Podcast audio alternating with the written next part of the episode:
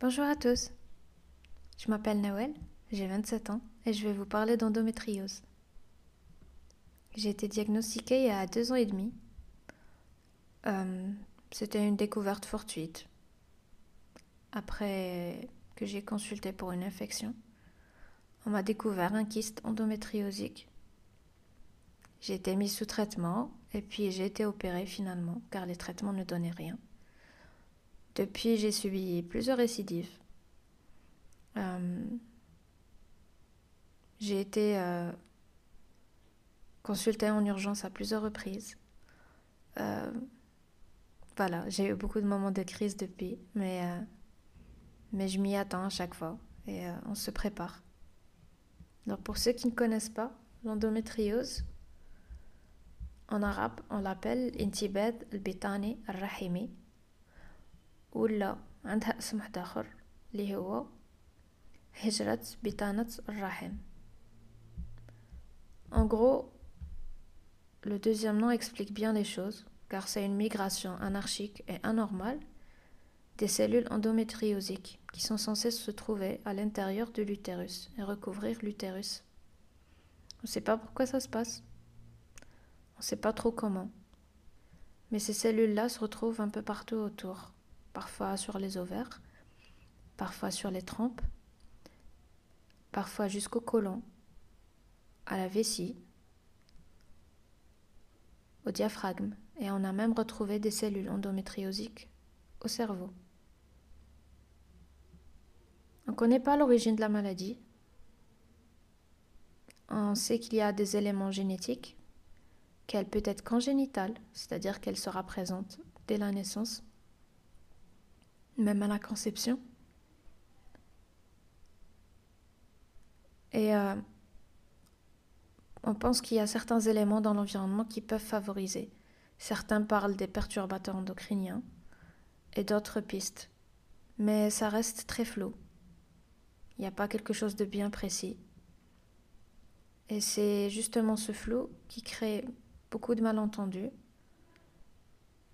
qui laisse euh, cette maladie dans une bulle de mystère qu'on n'arrive pas à percer.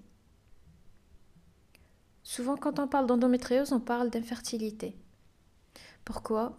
Bien la simple raison, c'est car très souvent les femmes ne sont pas prises au sérieux quand elles parlent de douleur de règles, qui est le principal symptôme. On nous dit simplement qu'on n'est pas assez forte, qu'on patiente pas, que toutes les femmes ont eu leurs règles depuis la nuit des temps et qu'il suffit d'être patiente, que c'est une bonne chose, que ça finira par passer et que à l'accouchement vous ressentirez moins de douleur que les autres femmes. On nous répète ça toute notre vie, même si on fait des hémorragies, même si on fait des anémies et qu'on ne trouve pas de raison, même si on se plaint de colons, même si on se plaint de douleurs qui reviennent pendant la période des règles, pendant l'ovulation et puis euh, qui sont assez particulières à ces périodes-là. On ne nous prend pas au sérieux justement, jusqu'à ce que certaines femmes constatent qu'elles n'arrivent pas à avoir d'enfants. Et alors là, on leur parle d'endométriose et on commence un diagnostic plus approfondi. Mais chez les jeunes filles, ça reste compliqué.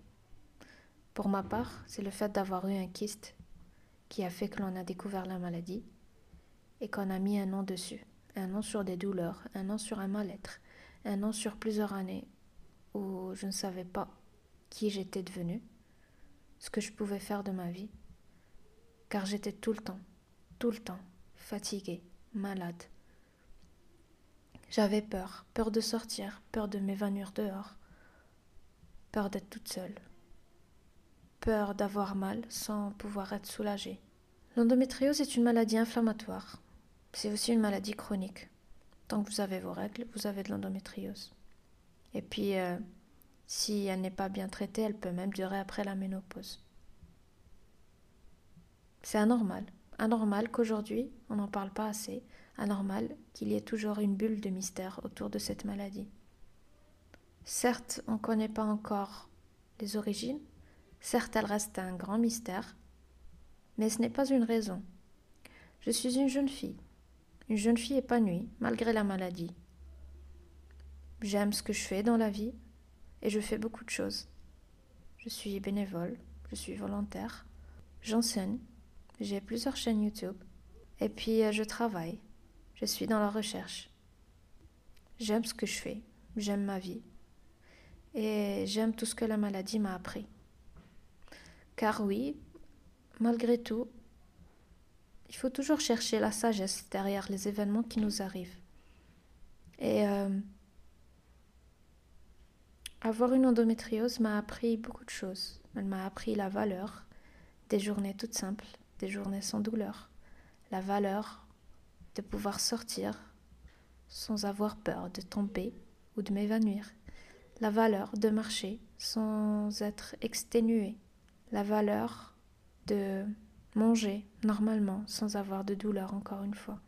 Elle m'a appris euh, que je pouvais sortir, que je pouvais vivre, que j'étais jeune, que je pouvais reprendre le sport après des années d'arrêt.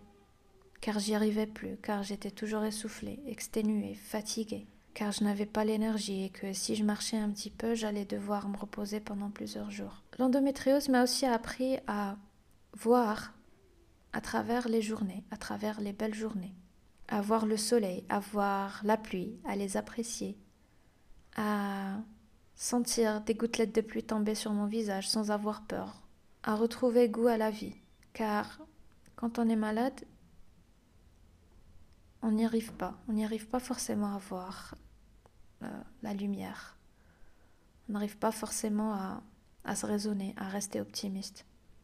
Quand on est cloué au lit, euh, c'est très rare où, euh, où, on arrive à voir le côté positif des choses. Mais c'est justement cela. C'est justement ces journées où je suis malade qui donne de la valeur aux autres jours. C'est justement parce que je sais ce que c'est, je sais ce que je ne peux pas faire quand je suis comme ça, que j'ai autant de plaisir à vivre au quotidien. Et puis, euh, ça m'a aussi permis de me fixer d'autres objectifs, de me surpasser, de me dépasser, de pouvoir voyager quand je suis en période de rémission. Et puis, euh, de dire aux femmes que l'endométriose n'est pas une honte. On ne choisit pas de tomber malade. Et s'il s'avère qu'on est infertile, c'est que Dieu en a décidé ainsi.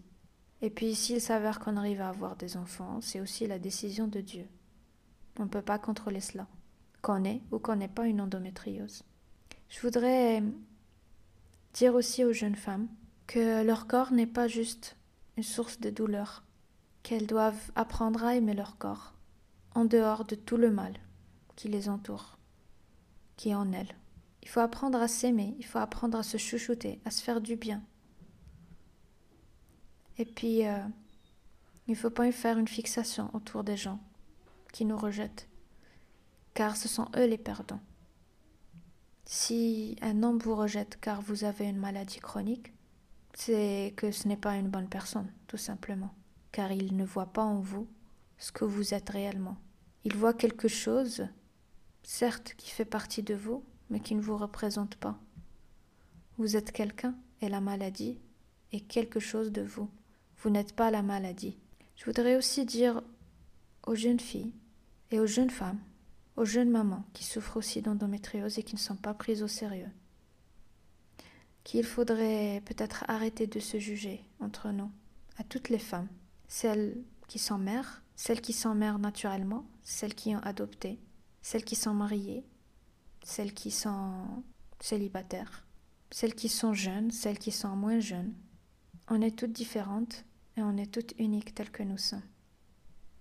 Quelle que soit la maladie, quelles que soient nos particularités, nous sommes belles comme nous sommes. Et avoir la vie est déjà un privilège.